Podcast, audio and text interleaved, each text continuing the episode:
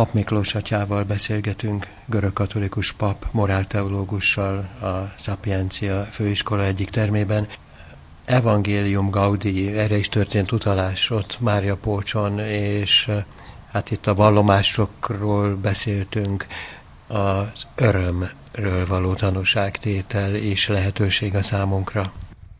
Azt az örömöt, amit az igazság megtalálásánál és megértésénél áttélünk, azt mi kapjuk. A hatodik pál mondja azt, hogy szomorú evangelizálóktól a világ nem kapja meg az evangéliumot, az örömét. De, hogy mondjam, nem, nem egyszerűen az örömre törekszünk, hanem arra kell törekedni, hogy engedni azt, hogy az Isten ilyen belátásokban, megértésekben, mindennapi Isten élményekben megajándékozzon minket. Tehát az én kulcs szavam a morál teológiámban a fascinózum, az elbűvöltség. Tehát, hogy ma már keresztények nem akarjuk folytatni ezt a régi bűnmorált, ahol a morál arról szólt, hogy kerüld a bűnöket tíz parancsot és az összes bűnöket, és azt a morált sem akarjuk, ahol a morál kötelességetika volt, hogy köteles vagy. Az Isten ide állított, te itt köteles vagy szolgálni, ez meg Kant. Ezt sem akarjuk, hanem a mai morál az a hegyi beszédnek a morálja, a szerelmes morál, hogy elbűvölt az Isten, és én akarok úgy élni.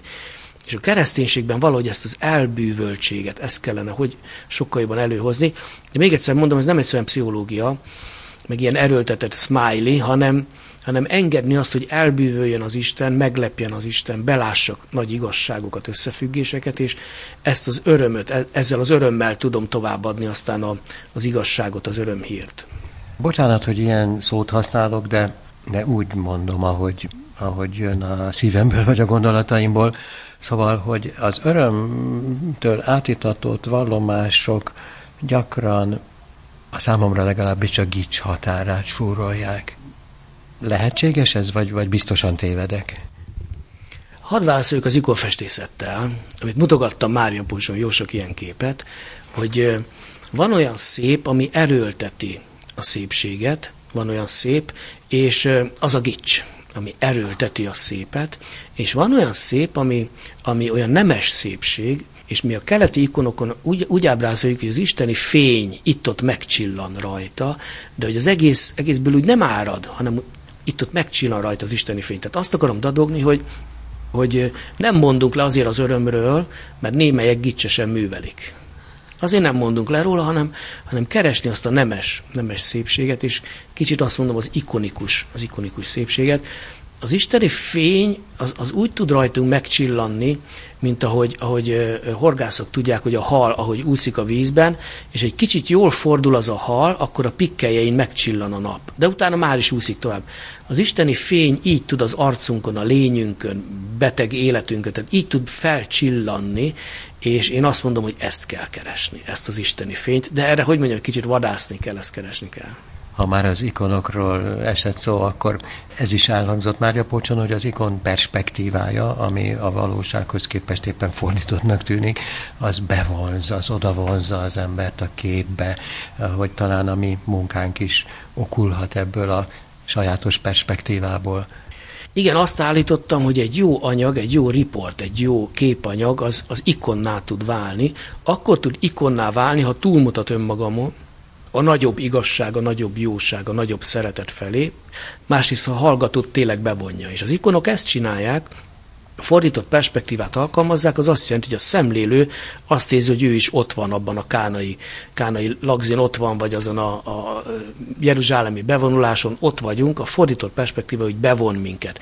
De nem egyszerűen bevon minket, hanem túl is mutat önmagán, mindig az Isten felé mutat, és és azt kértem a kedves újságíró kollégáktól, hogy addig ne adják le az anyagot, akár vágott anyag, akár hanganyag, képanyag, filmanyag, amíg nem érzik rajta, hogy ez az isteni fény megcsillan rajta.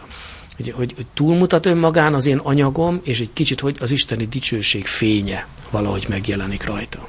Egy picit visszautalva Ferenc pápa közelmúltbeli magyarországi apostoli látogatására és a találkozásokra és a tanúságtételekre. Hát egy kitűnő közös görögkatolikus barátunk is tehetett tanúságot, és uh, talán ez jó példa, nem csak az övé, hanem maga az egész média esemény erre a bevonzásra. Ferenc pápa elképesztő volt, mindannyiunkat nagyon megérintett, és az érintett meg mindenkit, hogy mindenki úgy érezte, hogy én személyesen egy kicsit találkoztam vele. Engem meglátogatott Ferenc pápa. Nyilván azt mondom görögként, hogy, hogy Ferenc pápa ikon volt, tehát Ferenc pápában magával az Istennel találkozott egy kicsit mindenki, és azért tudta ő ezt ilyen nagyszerűen művelni, ezeket a találkozásokat, ezeket az egyszerű emberi gesztusokat, ahogy oda ment fogyatékkal élőkhöz, a roma testvérekhez, meg sok mindenkihez, mert, mert ő ezt nem eljátszotta, hanem ő tényleg ezt éli, hogy az isteni szeretetnek az ikonja, a közvetítője felénk. És hát mikor így bevont ilyen vallomásokba különböző tanúságtevőket, többek között a görög katolikus paptestvéremet Kondás Sándor, akkor kicsit mi is úgy éreztük, hogy rajta keresztül mi is hitvallást tehetünk, és a pápa figyelme rajta keresztül ránk is irányul és felénk is fordul. Hát az nekünk egy gyönyörű külön gesztus volt, amikor ugye megkapta a rózsafüzérét Kondás Sándor a hitvallásra után, és utána a, a, maga Ferenc pápa szólt, hogy ja, a feleségének is küldünk egyet. Ez, ez egy külön szép gesztus volt, hogy a feleség, a pap feleség az nem lett elfelejtve. Ez a média eseménynek mondtam az előbb, hát persze nem média esemény volt, de a média segített abba, talán most igazán a hivatása magaslatán volt a média, segített abba, hogy sokan sokan, nagyon-nagyon sokan ezt az élményt érezhettük, hogy ott vagyunk, hogy mi is bekerültünk ebbe a Ferenc pápa bűvkörébe. Igen, és egy másik szépet hadd emeljek ki, hogy, hogy azt éreztük, hogy a sajtó nem megosztó most. Azért sokszor érezzük, hogy, hogy, hogy pártpolitika, hogy egyházpolitika, hogy nem tudom, szociális rétegek, meg sokszor érezzük ezt is.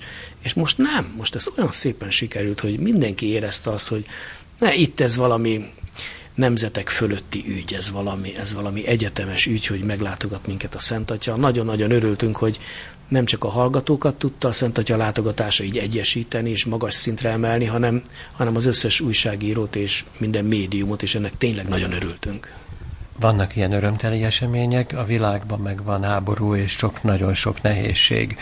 Mária Pócson Miklós atyától kaptunk egy képet, egy Picasso festményt, amelyik alkalmas volt arra, hogy megmutassa a sok borzalom között a szépet.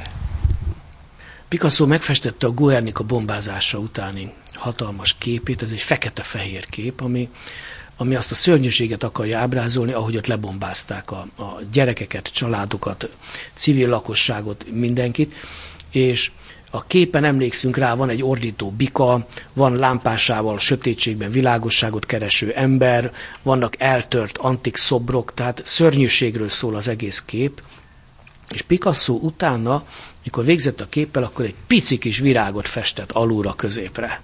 És ezt alig szokták észrevenni. És ez azért nagyon szép, hogy bármennyire is a szörnyűséget ábrázolja, mert művészként az a dolga, hogy, hogy ábrázoljon valamit, azért a hitet mégis oda teszi, egy szál virágot felfest erre a szörnyű képre. Tehát, hogy valahogy ezt szeretjük a, a médiában, ha ezt jól műveli, hogy nem egyszerűen ábrázolja a szörnyűséget, hanem valahogy hitet tesz, hogy mégis hiszünk az emberben, mégis hiszünk abban, hogy valahogy lesz tovább szeretetben, mégis, mégis van emberség, bármennyire is szörnyűség van. Tehát én, én azt kértem az újságíró kollégáktól, hogy, hogy csak olyan anyagot tegyenek le, ami nem egyszerűen csak sokkolja az embert, és nem egyszerűen csak uh, szenzációhajház uh, riport vagy képsorozat, hanem amiben ott van a hit is, ott van az emberségbe, a, valahogy a szeretetbe vetett hit is. Hát akkor ezzel zárjuk köszönettel Miklós atyának ezt a beszélgetést, hogy ott legyen minden cikkben, videóban, üzenetben a szeretettel teli hit is. Köszönjük szépen Pap Miklós, atya morálteológus, görögkatolikus papnak. Köszönöm szépen, és, és kívánom mindenkinek, hogy a közelmúltban minket meglátogatott Szent Atya gondolatain, gesztusain még sokáig gondolkodjon.